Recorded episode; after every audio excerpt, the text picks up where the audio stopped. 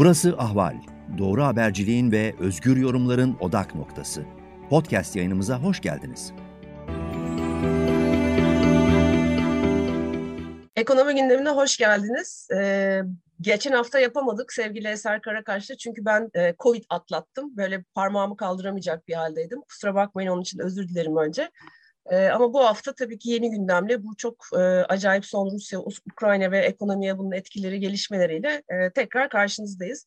Eser hoş geldin. Nasılsın? Geçen hafta için senden de özür dilerim. Çok teşekkür ederim sevgili Gülden. Sana çok geçmiş olsun. Teşekkür geçti. geçti. Evet bu omikron böyle bir şey demek yani. Demek bu demek böyle bitiyormuş bu salgınlar. Biz de yeni öğreniyoruz. Ben ilk defa hayatımda bir salgını e, yaşadım ya yaşadık. Hepimiz öyle yaşadık. Evet, 100 yılda bir olan şeyler olduğu için evet. Ama ama aşılardan, aşıları yapanlardan hani Allah razı olsun Allah diyeceğim razı olsun, gerçekten. Tabii. Hayretle bakıyorum aşı olmayanlara. Hayretle bakıyorum. Ben, ben de öyle çok. Hayretle evet. izliyorum. Böyle bir şey görmüşüm yani. Bir Marslı gelmiş de ona bakar gibi bakıyorum aşı karşıtıyım diyenlere. Resmen. Gerçekten öyle oluyor. Çünkü şey, e, üç aşıya, üç Biontech aşısına rağmen hani etkilemedi desem yalan olur. Eser haftaya çok e, gergin bir ortamda başladık. Aslında bu gerginlik yeni değil tabii haftalardır göster hatta aylardır göstere göstere gelen Rusya-Ukrayna gerginliği. E, hani siyasi analizini biz yapacak değiliz ama yani tekrar soğuk savaş dönemine girildiği, e, ABD'de birazdan konuşuruz özellikle Biden'ın e, kaybolan desteğine karşı işte Kasım seçimlerine böyle NATO'yu ve ABD'yi tekrar dünya e, politik sahnesine hakim kılmaya çalıştığı, bu yüzden savaşı körüklediği gibi düşünceler var. Tam tersi düşünceler var. Bunun ABD ile hiç ilgisi olmadığını tamamıyla Putin'in, Rusya'nın e, tekrar emperyalist e, büyüme, Sovyetler Birliği olma e, arzusu içinde olduğu için bu olayların çıktı. Ama hani bunun kökenine belki de çok girmeden sonuçlarını e, analiz etmek gerekiyor. Tabii ki en başta ekonomiye etkileri var. Türkiye ekonomisi zorlu bir süreçte zaten. İşte bir takım şeyler çok böyle pamuk ipliğine bağlı döndürülüyor. Kur korumalı mevduatla TL tutuluyor. TL durduğu ölçüde hazineye risk oluşmuyor. Ee, işte cari fazla yaratacağız, ee, bu sayede enflasyonla mücadele edeceğiz derken bir anda bakıyoruz enerji fiyatları 97 dolara, ele, daha çok da petrol fiyatları 97 dolara fırlamış durumda. Muhtemelen bu yavaş çekim ve uzun soluklu olacak e, gerginlikler petrol fiyatlarını 100-110-120 dolarlara kadar atabilir. Dolayısıyla Türkiye'deki bu hassas dengelerin çok tepe taklak gelme riski var. Bu işin bir boyutu. Burada burada bir araya girip bir şey söyleyeceğim. Özür, özür diliyorum bir parantez. Ay özür dilerim lütfen. İzin ver. ee, bu kur korumalı mevduatla ilgili ben benim ben, ben takıntılı bir adamım yani bazı takıyorum kafama. Bunlardan bir tanesi de bu kur korumalı mevduat meselesinin anayasaya aykırılığı. Evet yani şu andaki bu konjonktürde şu anda e, hazine üzerinde çok büyük baskı oluşturmayacak ama hukukta büyük küçük diye bir şey yoktur. Bir kuruş dahi, bir TL dahi oradan e, anayasanın 73. maddesine aykırı olarak aktarılacaksa ki tabii aktarılacak ama çok büyük meblağlara çıkmayacak gibi gözüküyor şimdilik.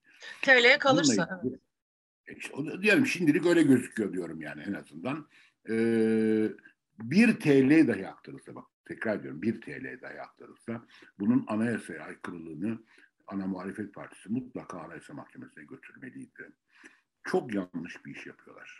Yani burada evet, onu sen birkaç buluyorsun. Siyaseti hukukun önüne çekmek demek bu. Bu yanlış bir yöntemdir. Daima en hakiki mürşit hukuk olacak. Evet. Zaten yani, evet. Yani en hakiki mürşit hukuktur. Hukukta Tabii hani hukuk ama hukukta sonuçları, sonuçları ne olursa olsun. Evet oraya götürmek lazım. Çünkü hani hukuk tarafında da e, bir aşınma olduğunu biliyoruz. Hani oraya gider ise e, ne, ne karar çıkar Anayasa Mahkemesi'nde yani o, o da hukuk hukukun içinde o mi yapacak o kararlar? Sorunu. O Anayasa Mahkemesi. Evet. Evet. O Doğru söylüyorsun. Sen, Sen işini yapacaksın. İşini yapacaksın. Doğru. Yani işte e, öncelikler biraz daha böyle parlamenter sisteme dönüşle başladı. İşte önümüzdeki hafta o açıklamaları izleyeceğiz. Arkasından inşallah bir e, ekonomi programında bir birlik e, oluşturabilecek. Partilerin kendi çalışmaları var ama ortak çalışma yok henüz Millet İttifakı. CHP bunu geçmişte de yaptı ve bunun çok evet. acısını çekti. 367 evet. hukuka aykırı bir şeydi. Bile bile yaptılar. E, türban meselesini Anayasa Mahkemesi'ne götürmek çok aykırıydı. Yine bile bile yaptılar. Şimdi her ikisinden de çok pişmanlar. Evet şimdi 28 Şubat'ta 28 başörtüyle bir araya gelecekmiş Kılıçdaroğlu. Evet, mesela, işte mesela yani anlatabiliyor muyum? Hala onun şeyleri... gerek kalmayacaktı. Evet. Çünkü o iş bir şekilde haksız da diyemeyeceğim CHP'nin üzerine. CHP'ye fatura ettim yani. Evet. Anlatabiliyor muyum türban meselesi? Çünkü sen götürdün onu Anayasa Mahkemesi'ne. Anayasa Mahkemesi iptal etti o kompozisyonuyla. Şimdi orada sen orada çünkü o anda siyaseten bunu daha uygun gördün. Hiçbir zaman buna bakmayacaksın. Tabii ki ilkeli olmak gerekiyor. Evet. İlke, hukuk ilkesi. Siyaset ilkeleri değil, hukuk ilkeleri. Evet, hukuk ilkeleri. Doğru. Biz ekonomiye dönelim. Şimdi dünyada büyük bir değişim yaşanıyor. Bugünden adını koymak belki çok kolay değil.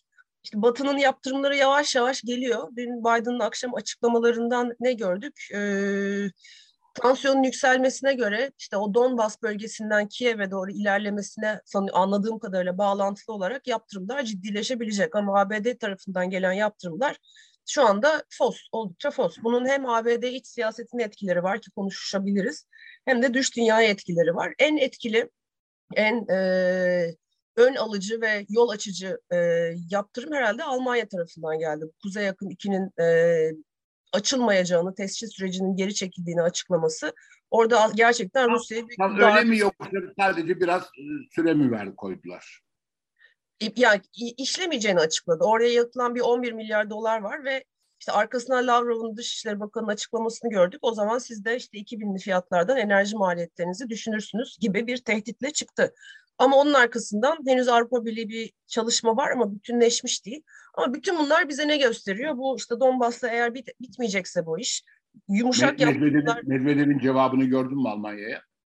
Eski ee, Başkan Medvedev'in. Es, işte o, o mu dedi 2000 dolar? E, 2000, evet, evet. 2000 e, o dedi, pardon ben Lavro'la karıştım. O başka 2000, 2000 euro dedi Medvedev. 2000 euro. Medvedev yani spot piyasadan almak zorunda kalacaksınız. Putin'in eski şeyi yani. Putin'in, eski evet. E, Halef e, Salef oyunu.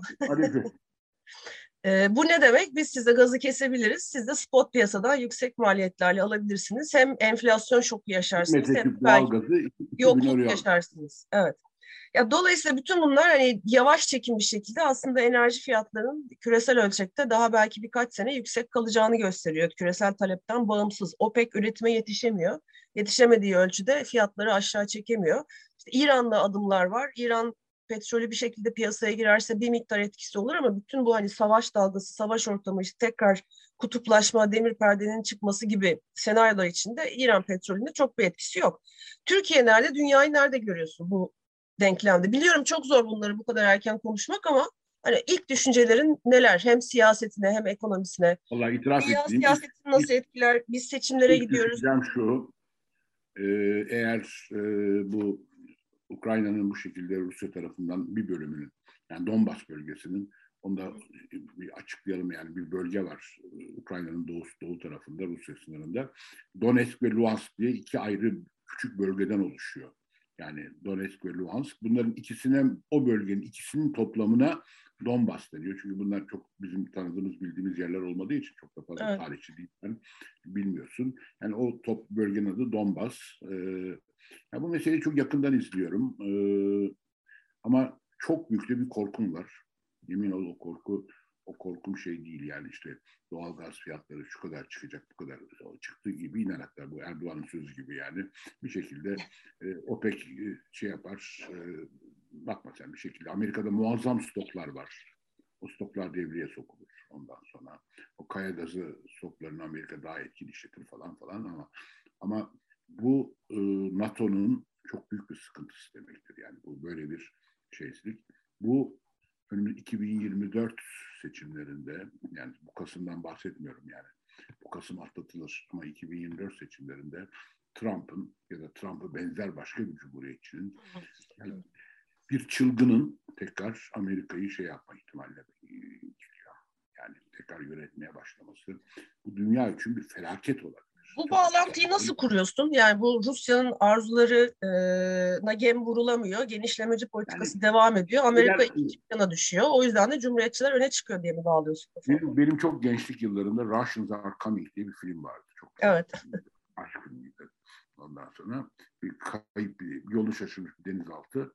İngiltere sağ açıklarında bir yerde karaya vuruyor. geliyordu. Rus denizaltısı. O da Rus denizaltısı çıkınca şeyden, e, içinden Rus askerleri, herkes paniğe uğramıştı falan. Şimdi e, gerçekten öyle e, şeyler, Amerikalılar ne bileyim şu anda e, Ukrayna nerede deseler belki cevap veremeyebilir. Var var. Bugün Twitter'da gördüm. Avrupa'da işaretlemişler herhangi bir yerinde. Evet, Bilemedim. evet, evet. Dünyayla alakalı bir şey değil. Kendi işlerinde yaşayan bir toplum. Yani entelektüelleri söylemiyorum tabii. Çok büyük Amerika'nın ama toplum ortalaması olarak kendi dış dünyayla çok alakalı yok. Ama bir tek dış dünyayla alakalı çok eski kökeni olan bir şey de Rusya. Rusya karşısında herhangi bir gerileme herhangi bir gerileme ya da bir çaresizlik işareti, çaresizlik de demiyorum yani bir çaresizlik belirtisi ya da göstergesi Amerikalılarda çok büyük travma yaratıyor. Yani başka bir şey değil yani Almanlarla bir şey olsa ki o kimsenin umurunda değil.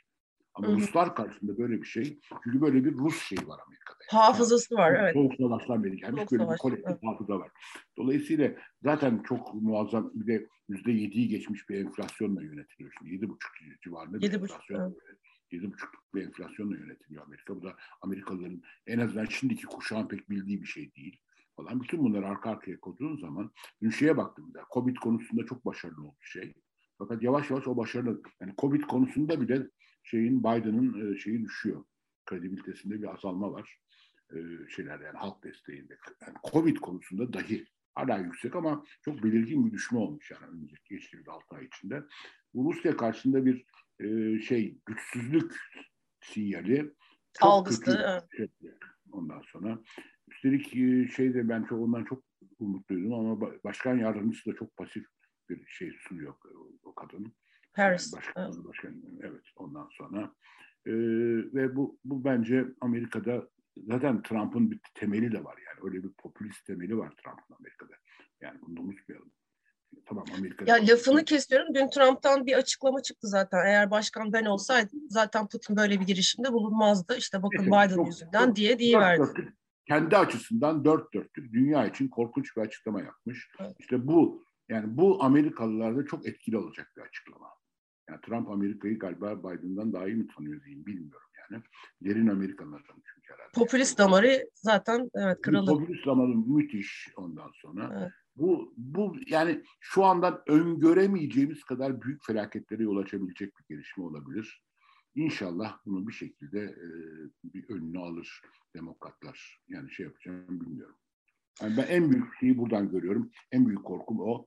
Ondan sonra ha şeyden Türk, bu Türkiye'ye yansımaları belki de tarım fiyatları üzerinde Türkiye'de zaten çok yüksek olan tarım ürünleri fiyatlarında daha da büyük bir artışa neden olabilir maalesef. E, enerji zamları devam eder. Evet. Maalesef şu anda yani belki de son 40 40 45 yıldır sürdürdüğü yılda 20 milyon tonluk buğday üretimi çok altına düştü. Nasıl bir şey anlayamıyorum yani. Niye oldu bunu da tam kestiremiyorum. Buğday Çiftçi olarak açıklayabilirim sana. yani evet onu diyorum yani ama bu 40, 50 yıldır süren bir şeydi. 20 Türkiye'nin böyle bir dengesi vardı. 20 milyon ton buğday üretir. İşte bu TBO büyük beceriksizlikler yapardı. Yani beceriksizlik derken TMO'nun beceriksizliği yani o 20 milyon ton buğdayın zamansal dağılımında bir de mekansal dağılımında beceriksizlikler yapardı. Yani bir yerde üretilmiş bir şeyi bir aktaramayabilirdi. Fazla olurdu. Zaman olarak işte Eylül'de yapılmış hasatı Mayıs ayına taşımakta be beceriksiz olurdu. Ama sonuç olarak işte 2 milyon ton buğday ithal edilirdi. 2 milyon ton da buğday ihraç edilirdi falan falan. Bir denge sürer giderdi Türkiye. Bir de şimdi ilk defa böyle bir sıkıntı var. Şimdi biz Ukrayna'dan muazzam buğday alıyoruz. Değil İşte, Rusya'dan, Ukrayna'dan evet. Evet ondan sonra bunlar, bunlarda bir sıkıntıya yol açar mı? 4.1 milyar dolarlık buğday tahıl alıyoruz Rusya'dan. Yaklaşık işte tarım ürünleri satışımız 1.5 milyar dolar ama giderek artıyor ve e, çünkü bir taraftan hani ekmek içeride bir de un ihracatını or, oradan gelen Rusya'da çok büyük bir ticaret açımız var. Bunu anlıyorum. Rusya'ya olan ticaret açımızı. Çünkü doğal gaz alıyoruz ama Ukrayna'dan doğal gaz almıyoruz. Ukrayna'da da doğal. Turist önemli, dış turistler önemli, evet. Dış ticaret açımız var şeyle yani. Bir de turist tabii, meselesi var. Sıkıntı, sıkıntılı bir şey. Bu arada bir şey söylememe izin verir misin? Lütfen tabii. Şimdi tabii. senin gibi bir tarımcının yanında bunu söylemek zor ama mesela her Çiftçi. Sonra, ha, bir çiftçi. Çiftçi. Tarımcı, Tarımcı değil çiftçi. Öyle diyelim. Türkiye'de bir e, şey efsane vardır. Ben bu, bu konuda iddialıyım ama yani bütün şey, itirazlar. Bakalım göreceğiz. Söyle. Göğüs gerebilirim yani. ee, Türkiye dünyada kendi kendine yeterli yedi ülkeden biriydi. Ve sonra tarım politikalarındaki beceriksizlikler, yanlışlar nedeniyle, işte destek sistemlerindeki yanlışlar nedeniyle bu özelliğimizi kaybettik diye bir laf var. Herkes söylüyor bunu. Ya bu çok yanlış bir şey. Neden yani? Türkiye hiçbir zaman kendine, kendine yeterli bir ülke olmadı. Hiçbir zaman olmadı. Ama bu kendine yeterlikten ne anladığınıza bağlı. Kendine yeterlikten eğer işte 20 milyon ton buğday üretiyoruz, 20 milyon ton da buğday tüketiyoruz. Dolayısıyla ekmek sıkıntımız yoksa, yani çocuklarda o büyük şiş karınlar gözüküyor Allah korusun. Somali'de şurada da korkunç insanlık facialarını izlemiştik. Öyle bir şey olmaz Türkiye'de hiçbir zaman. Bu anlamda yani bir savaş anında Türkiye aç kalmayı kalmayabilir, kalmaz da yani. Buğday üretimiyle idare ederiz. Ama bu mudur acaba kendine yeterlik? Yoksa mesela e, hayvansal protein, deniz ürünleri, taze C vitamini yani taze yaş meyve ve sebze. Şimdi bütün bunu süt, yoğurt, şimdi özellikle Hollanda temelli araştırmalar var. Yani bir insanın tarımda yeterlik ne demek. Hollanda çok küçük bir ülke ama bayağı ciddi tarımsal üretim yapıyor. Tabii canım. Tabii, tabii. Kendine yeterli gelmiş. Konya'dan küçük bir ülke. Ama şeyi saptıyorlar. Türkiye o standartların her zaman çok gerisinde kalmış. Özellikle taze C vitamini tüketiminde yani. ilaç değil yani. Veya portakal, şu, hayvansal protein, deniz ürünü. Bütün bunları koyduğun zaman Türkiye hiçbir zaman kendine yeterli olmamış. Ya şöyle ben sana karşı fikir beyan edebilirim ki hani ben de iddialıyım bu konuda. Mesela hayvan coğrafyası olarak. E, bile aslında... bile kendim ateşe attım yani. Evet evet ateşe attım. Başlıyorum. ya e, yok başlamak falan değil. Yani ben de birkaç e, özellikle Egeli e, tarım girişimlerinin bir elemanı olarak hani beş sene arayla iki tane çok büyük tarım raporu yazdım. Hani oradaki çalışmalarımdan bildiğim ve kendi tecrübelerimden bildiğim. Sonuçta burası küçükbaş e, hayvan coğrafyası. Biz buraya büyükbaş hayvanları bir kere zorlama koyuyoruz.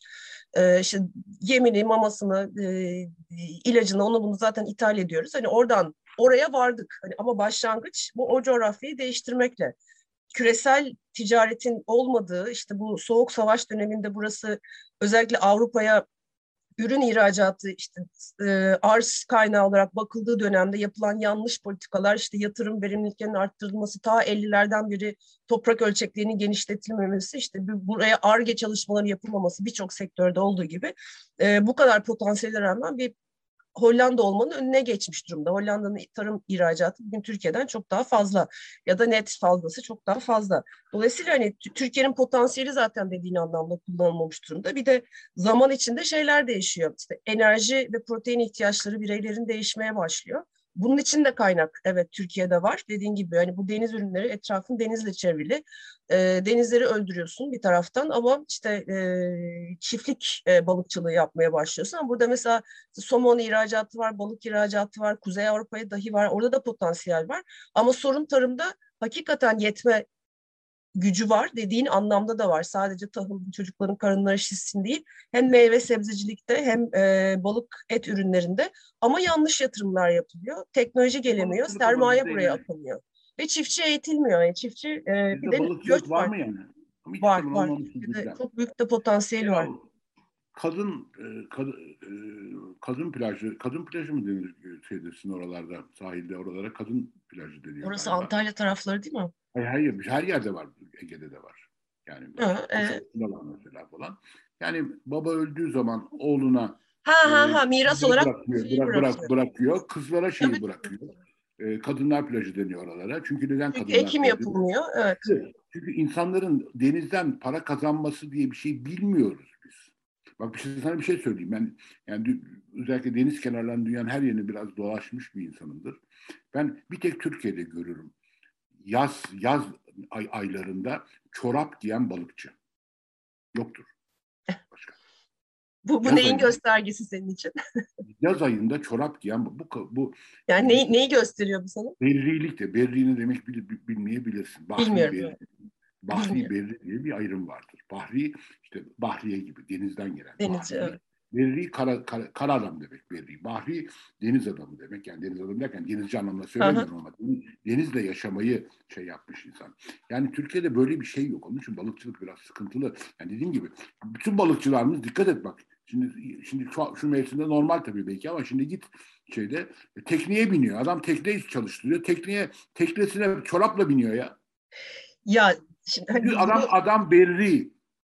Anlatabiliyor ya muyum? Şeyin örneği, ya bu, bu örnekleri ilerleyemiyorum. Gerçekten ilerleyemiyorum ama hani Türkiye'de denizcilik ve balıkçılık üzerine yatırımlar son dönemlerde artıyor. Ama bu sefer ne oluyor? İşte çiftlikler kıyılara çok yakın yapılıyor. İşte denizi kirletiyor. İlaç kullanımı çok yüksek. Antibiyotik kullanımı çok yüksek. Halbuki orada da potansiyel var. Aslında var olan bir şey yatırım farkındalığı var ama doğru yatırım ya. Dinamit, dinamit kullanıyoruz ya. Dinamit kullanıyoruz ya denizlerde. Resmen dinamit kullanıyoruz. Ya ama bu hani baştaki tartışma yani bu böyle Türkiye kendine yetemeyen, yetemeyecek ülke değiliz. Bu nedenlerden, bu nedenlerden bir doğal ya, bir felaketten söylemiyorum. Ama tabii bu hep böyle oldu. Kaynak var, kaynak kullanılmıyor. Yani Ama eskiden kullanıyorduk, şimdi kullanamıyoruz gibi bir şey de yok. Eskiden de kullanamıyorduk bu kaynağı. Ya eskiden ya ben hani ne kadar eskiye gidiyorsun bilmiyorum ama hani ya 90... Marmara dünyanın en güzel balık şeyi Marmara. Evet. Marmara'daki balık çeşidi dünyanın hiçbir yerinde yok belki de. Marmara'daki balık e, O da bitti zaten. Müsilaj bitti, geldi. Bitti ya bitti. Öyle. Bitti. Ama işte bu yine hani ben 90'ların başında Ankara'ya öğrenci olarak gittiğimde Ankara'da her gün taze balık yerdim. Vardı çünkü gelirdi. Şimdi yok.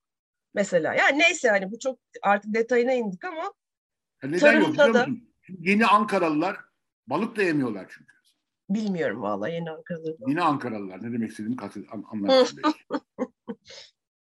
iki, iki onlar, saniye. onlar balık da sevmiyorlar çünkü. Okey tamam. bir şey diyemedim. Anlatabiliyor muyum? Balığın yanında evet. Kebapçı. Onlar Kebap. kebapçı yine Ankaralılar. O ya da yokluktan bilemiyorum hani tavuk mu yumurta yumurta Yok ya oğlum en, en pahalı kebapçılarda yiyorlar. Yeni Ankaralıları yeni Ank yani, Ankara sosyal çok değişik. Neyse. Ya neyse şey. sonuçta şey potansiyeli hani Türkiye'nin tarım potansiyeli ben çok yüksek olduğunu inanıyorum ama hani dönüşüm gerekiyor. Dönüşüm Tabii potansiyel böyle, konusunda hiçbir itirazım yok. Tarımdaki dönüşüm bir gecede olmuyor. Sen nüfusu kaçırmışsın. Nüfus e, bir kere inşaat sektörüne senin hep söylediğin gibi hizmet sektörüne büyük büyük şehirlere gelmiş. İşte garson olmuş, olmuş, bu olmuş. Bir kere aile içinden aktarılan kültür zinciri bozulmuş tarımsal olarak o dediğin balıkçı örneğinde olduğu gibi. E, işte yatırımlar yanlış, teşvikler yanlış, destekler yanlış, teşviklerin ölçümü yok, paralar aktarılıyor, nereye büyük atıl kapasite yatırımları yapılıyor, e, onların ne kadar e, verimli olduğu, üretken olduğu tartışılmıyor. Yani büyük kara delik. Özellikle son Tarım Bakanı ile beraber bence büyük büyük bir çöküş var tarımda. Bence değil birçok insan öyle söylüyor. E, dolayısıyla hani potansiyel herhalde bundan sonraki dönemi bekleyecek. Yani bu hükümetten bir şey çıkmayacak tarım adına. Ama evet Ukrayna krizinde öyle bir potansiyeli var Türkiye'de. En azından tahıl fiyatlarını vurma. Çünkü giderek dışa bağımlı bir hale gelmiş durumda tahıl üretiminde dahi. Tabii yani, en kötüsü buğdayda gelmişiz yani o çok kötü bir şey. Evet, Allah korusun o, o aç o açlık olabilir yani. yani evet. E, e, balık yemezsen işte bir şekilde tabii kötü bir şey. Senin bütün nesiller arası etkiler belki balık protein, evet. deniz protein almamak ama e, ekmek yemezsen aç kalırsın. Evet. Yani Allah korusun böyle bir sıkıntı da var yani. Vallahi neler var gündemimde benim. Ee, şey ne diyorsun İsviçre Kredi Suisse konusuna? Ya bi, bilinen gerçeklerin isimleri iş, ifşa olmuş oluyor. Hani bilinmeyen şeyler değil bunlar. Ee, zaten hani bu, bu şekilde bir bankacılık sistemi olduğu ülke içinde e, arkasından e, hani Rusya kaynaklı işte özellikle Rusya kaynaklı oligarkların servetlerinin o şekilde Avrupa tarafında böyle bankalarda gizlendiği, sistem içinde gizlendiği, hatta büyük resim içinde bütün dünyadaki yolsuzluktan kaynaklanan paraların buralara aktarıldığı, hani e, bunlar bilinen gerçekler aslında ve sistemde bunun üzerine kurulu. Çok da fa- fazla bir şey söyleyemiyorum ben o açıdan. Yani çok e, şey değil. Yani ben şu ben daha çok yani ne Kral Abdullah'ın büyük parası çıktı mesela. Evet. Hafter'in çıktı. Libya ne demek ne, nasıl çıktıysa Hafter Amerika'da yaşıyor tabii. Belki oradan nasıl bir kaynaklarla edilmişse. Ama bu paralar nasıl elde ediliyor? Bunu sormak lazım. Bunu araştırmak lazım. Yoksa orada bir şekilde gizli bir hesapta durması beni çok ilgilendirmiyor. Ama bu paralar nasıl elde edilmiş? Bu paralar nasıl elde edilmiş? Bütün mesele bu. Evet. Yani, ama bunu hiçbir zaman hani bu sistem içinde hiçbir zaman sorulmayacak. Çünkü siyaset bunun üzerine kurulu. Yani rahmetli tövbe tövbe rahmetli Steve Jobs'ın Orada bilmem kaç milyar dolar parası çıktı. Benim için ilgimi çekmez. Çünkü Steve Jobs'ın nasıl para kazandığı belli. Anlatabiliyor muyum? Ha, orada, da belki de ondan daha az vergi vermek için belki orada bir, şey, bir yere koymuş parayı. Belki de diyelim. Ama hı hı. parayı nasıl kazandığı belli. Paranın orijini belli. Benim daha çok ilgimi çeken mesele o paranın orijini. Nasıl kazanılmış o paralar? Türkiye'de hiç isim yok. Bu da ilginç şimdilik. Bakalım o da yakında ne olur. Hiç isim yok Türkiye'den. Bir tane bile yok. Credit Suisse'de. Evet. Yani Pandora Paper'larda falan bir sürü çıktı. Vardı, vardı. Evet. Dolu vardı. Bunlar hiç çıkmadı. Bu da önemli bir şey. Çıktı da ne oldu Pandora'da? Ben o yüzden bakmadım bile Türkiye'den isim var. Hiç olmadı. Doğru, doğru, evet. doğru söylüyorsun. Doğru söylüyorsun. Ama işte o paralar nasıl kazanılmış? Dikkat ediyorum. Benim o paraya bir itirazım yok. O paralar yolsuzluk parası eser. Yani hani bu... Şey anlıyorum. Yoksa dediğim gibi yani Steve Jobs komuş olsa oraya bilmem kaç 10 milyar dolar parası çıksa 50 milyar dolar parası çıksa Steve Jobs'ın bana ne helal olsun herif ederim. Yani ülkelerin işte siyasi elitlerinin e, hele uzun yıllar görevde kalan o siyasi elitlerin işte Rusya örneğinde olduğu gibi e, kendi e, halkının soymasından kaynaklanan aktardıkları kendileri paralar bunlar. Yani rüşvet çarkının içinden gelen. Çok net de dediğin doğru. Bu Uygulamak... en önemli gelişmesi de şuydu bence. Bence yine burada algıda şeylik yapıyorum. Ee, böyle bir dedikodu bu henüz daha çok şey değil ama Falyalı'nın işlettiği kumarhaneleri Çakıcı'nın olması. işletmeye başladı. Evet. Çok ilginç bir şey. Bu Falyalı cinayetinin de profilinin ortaya çıkıyor. Ben bunu şöyle söylüyorum. Kıbrıs mafyasının ana vatandaştırılması diye tabir ettim. Öyle. Gördüm. Kamulaştırılması, özelleştirilmesi falan değil. Kıbrıs mafyasının ana vatandaştırılması. Yani belki de ortada e, buradan bir itiraz oldu. Ya siz burada orada büyük olanak var. Kendi içinizde bunu yiyorsunuz, e, şey yapıyorsunuz dediler belki bu, bu, bu, bu taraftan. Hani bakalım çekilmez kenara. O çekilmeyince de onlar çektiler. Balyalayı. Yani zaman e, içinde ortaya çıkacak ama zaten bir çok şaibeli bir, bir, yıl, bir yıldır Çakır işte yaşıyor. Kıbrıs'ta yaşıyor. Niye? Evet. İlginç ilişkiler evet. Çok ilginç yani. Yani yani Kıbrıslarda da şöyle bir takıntı varmış. Ya bizim mafya olsun bari. Bu da olacaksa bu mafya oluyor burada.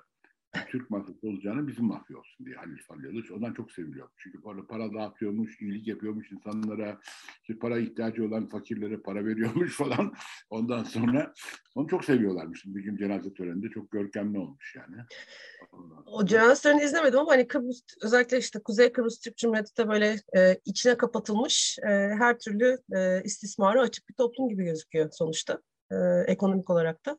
Yani onların da e, ekonomik çıkışlarını bir gelir yaratmayı orada bulmaları çok sürprizli olmasa gerek.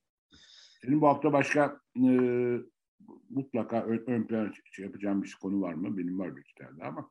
Sen devam et lütfen. Yani e, veriler açısından hani sakin bir hafta nispeten evet. güven endeksleri çıktı. Hani ekonomide işler şimdilik ilk çeyrek itibariyle iyi gidiyor. İşte Ukrayna tarafında konuştuğumuz gibi oradan gelecek potansiyel riskler bıçak sırtı dengeyi bozabilir ama henüz bozulmuş değil. İzlemede kalacağız.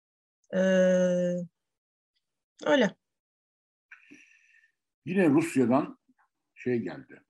Yani bu dün, dün, bu bir hafta önceki bir konu. İlk defa duydum. Nazi gazı alarmı diye bir haber çıktı. Ee, tarım ürünlerinin üzerinde Nazi gazı diye adlandırılan bir atık bulunmuş. Bizden şeye giden Rusya'ya ve Rusya da bunları geri göndermiş Türkiye'ye. Benim 25 yıldır hep sorduğum bir soruyu burada bir kez daha arz ediyorum izleyicilerimize. Bu Rusya'nın ya da Avrupa Birliği üyesi ülkelerin geri gönderdikleri. Yani biz bunu kendi vatandaşımıza, kendi çocuğumuza yedirmeyiz diye gönderdiği ürünleri Türkiye ne yapıyor? Güzel soru. Türkiye ne yapıyor? Bu çok önemli bir soru. Ve bu soruyu da ben en çok şeye soruyorum. Şöyle işaret yapan şeyler var ya. Milliyetçi arkadaşlarımız milliyetçi, milliyetçi ulusalcı arkadaşlarımız bu konulara hiç girmezler. Yani Rusya'nın kendi çocuklarına yedirmediği ürün Türkiye'ye geri gönderilince bu imha edilmiyorsa ben hiç şimdiye kadar televizyonlarda mesela şöyle atılmış ne bileyim domatesler görmedim. Domatesler yakılıyor mesela. Böyle bir sahne hiç görmedim. Yani o, o çevre çevreye zarar verir mi onu da bilmiyorum. İçinde nazi gazı var. Ne demekse nazi gazı. böyle çünkü bu haber böyle çıktı. Nazi gazı alarmı çıktı. İmha etmenin de yöntemleri var. Hani çiftlikler vardır, kurulur. Mutlaka bir şey vardır yani. Çevreye zarar vermeyecek şartlar işte isteniyor. Mutlaka, mutlaka vardır. Ee, ama hiç görmedim şimdiye kadar böyle bir şey. Bir de bir görmediğim bir şey daha söyleyeyim. Bugün biraz çizmeye açtım galiba ama. Estağfurullah. E, yakalanan uyuşturucuların Adalet Bakanlığı'na bağlı adli emanet Bunu söylemiştin bürolarında Ne oluyor? Edildiğini değil mi? Onu da imha edildiğini hiç görmedim. Onun bir kayıt mu? bilmiyorum. Benim bilmediğim bir alan. Yani hiçbir... Hiç e, görmedim yani. Ben olsam Anadolu Ajansı'nın genel müdürü olsam mesela bu, bunların şeyini yaparım, çekimini yaparım. Anlaşırım Adalet Bakanlığı'yla Anadolu Ajansı demek, devlet demek. Yani hükümetin şeyin. Ya şunları çekelim, yayınlayalım, işte propagandamız olur diye. Hiç görmedim. Birikiyor mu acaba böyle? Tonlarca uyuşturucu mu birikti şeyde? Adli emanette duruyor. Evet. Bir de bir soru soracağım falan. Bu, bu daha az şey bir soru. Ünlü Prusyalı felsefeci Emmanuel Kant'ın bir lafı vardır. İngilizce şeyde trade brings peace denir. Trade brings peace yani ticaret. Yani ticaret barış getirir. Evet. Barış getirir diye. Şimdi bu e, Londra borsasında e, Rusların 500 e, milyar pound parası böyle bir dünya ekonomisi olmuş artık yani. Yani bunun daha da genişlemesi falan dünyada çok büyük çatışmaları engeller mi önümüzdeki dönemde? Bir şey olarak soruyorum, ütopya olarak soruyorum. Zor bir soru. Hani o şimdi ticaret yapmak olarak e, bakıyor isek olaya ya evet engelliyor aslında çünkü şu anda bakıyoruz dünyada e, otokrat liderler eğer para aktarmışlarsa dış dünyaya e, ya da bir şekilde işte böyle bir e, dizginleri almışlarsa yaptıkları hiçbir şeye hayır denmiyor. Herkesin her şeyi yapabildiği bir dünyaya geçmiş durumdayız. E, demek ki evet işe yarıyor bu, şekilde finansal. Yani Londra borsası gibi dünyanın en büyük borsalarından bir tanesi değil mi? Yani belki de en büyük belki de. Yani ondan sonra 500 milyar pound. Bu Türkiye'nin milli gelirine yakın bir rakam aşağı yukarı. Üçte ikisinden fazla Türkiye'nin milli gelirinin. Ondan sonra böyle bir para e, Londra borsası için de çok büyük bir para. Dolayısıyla mesela bu paraya rağmen üstelik Brexit sonrası yani Avrupa Birliği de yok artık arkasında şeyin. E, yani bu iyi bir şey gibi geliyor bana. Bu, bütün bu zenginlerin böyle bir küresel düzen en azından savaşların e, sıcak hale dönüşmesini, sıcağa dönüşmesini bir ölçüde engelliyor gibi geliyor. Ya şimdi e, e, emin olamıyorum. Sonuçta savaş yani o paralar zaten savaş üzerinden de yaratılabiliyor olabilir. Bir. ikincisi hani o, o finansal sisteme giriyor. Dünya ekonomisine bir fayda olarak girmiyor. İki. E, ve hani temiz Gazprom bir para değil. Gazprom'dan Efendim? geliyor. Gazprom'dan geliyor. Gazprom. Ya bu oligarkların ki öyle. E, diğerlerininki nasıl? Hani 2008 küresel finansal krizinden biri. Belki anlatmışımdır sana ama bir anım, anımı anlatayım. Anlat, anlat bitirelim 14 oldu saat. 91, 91 ya da 92'de Gazprom diye bir kitap çıktı Fransızca. Ben de yani şeyden hemen sonra bu yani Sovyetler Birliği'nin dağılmasından hemen sonra çıktı piyasaya bu kitap. Gazprom'u anlatıyordu. Gazprom'un gücünü. Bu şey dağılırken Sovyetler Birliği Sovyetler Birliği'nin derin devleti bir toplantı yapıyor. Arada ama şey Gorbaçov falan yok yani toplantıda. Ama en derinleri toplanıyorlar. Bir tane o derinden en derini bir adam var. O da geliyor. Kitaptan aynen aktarıyorum. Diyor ki ya benim işim de var diyor. Bir konu bir şey soracağım size diyor. Benim karımın doğum günü bu akşam diyor. Belki o toplantıya karımın yanına gitmek zorundayım diyor. Bir şey soracağım diyor. Bu bizim Sovyetler Birliği dağıldıktan sonra Gazprom Rusya'da mı kalacak yoksa Kazakistan şu bu bölüşülecek mi diyor. Ondan sonra hayır diyorlar. Gazprom tamamen Rusya'da kalacak. Ha o zaman kusura bakmayın benim işim var. Demek önemli değil o zaman diyorsun. SSC'nin dağılması olan ben karımın doğum gününe gidiyorum diyor. Peki ayrılıyor. En derin adam. Evet çok iyi. Yani, evet evet. Direkt an... hikaye diyor yani anlatabiliyor muyum? yani ga, gaz... Mesele yok diyor.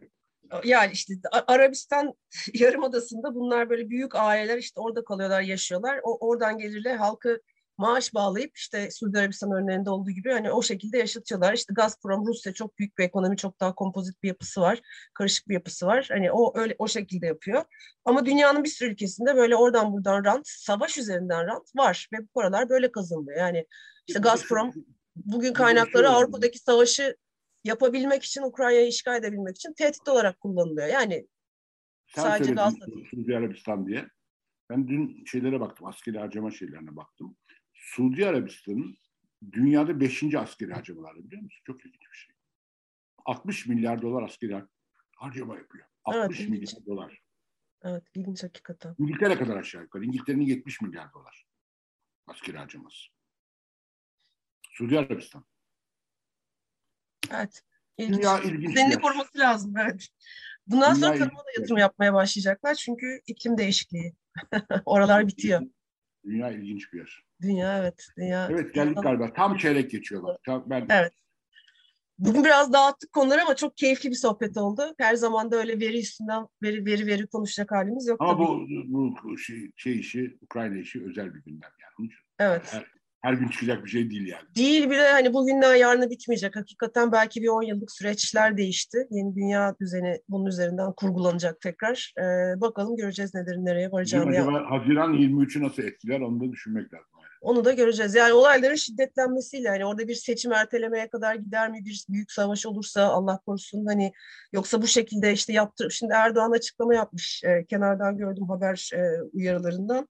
Ukrayna'da Rusya'yla da işimiz var bizim. Yani ticaretimiz var demiş. O kantin lafına gelirsek hani e, bu tarafı e, çok da fazla o anlamda etkilememesine çalışacaklar. Doğru politikada belki o ama hani Rus taraflısı da o olunamayacak NATO üyesisiniz. Yani çok karmaşık bir dönem. Ama ticaret olarak bağlar e, çok e, baskı yaratıcı boyutta. Dünyanın her ülkesi için öyle. Hani küreselleşme böyle bir şey oldu zaten. Deyip çok teşekkür ediyorum. Ben teşekkür ederim. Dinleyen herkes için de senin ben sana da. çok dağıttım. Özür diliyorum. Sözünü çok kestim yine özür dilerim. Yo çok keyifliydi. Çok keyifliydi. Sakıncası yok. Sevgiler herkese. iyi haftalar. Görüşmek dileğiyle. Ahval podcastlerini tüm mobil telefonlarda Spotify, SoundCloud ve Spreaker üzerinden dinleyebilirsiniz. Apple iPhone kullanıcıları bize iTunes üzerinden de ulaşabilir. Türkiye'nin ve hayatın cıvıl cıvıl sesleri Ahval Podcast dizisinde. Kulağınız bizde olsun.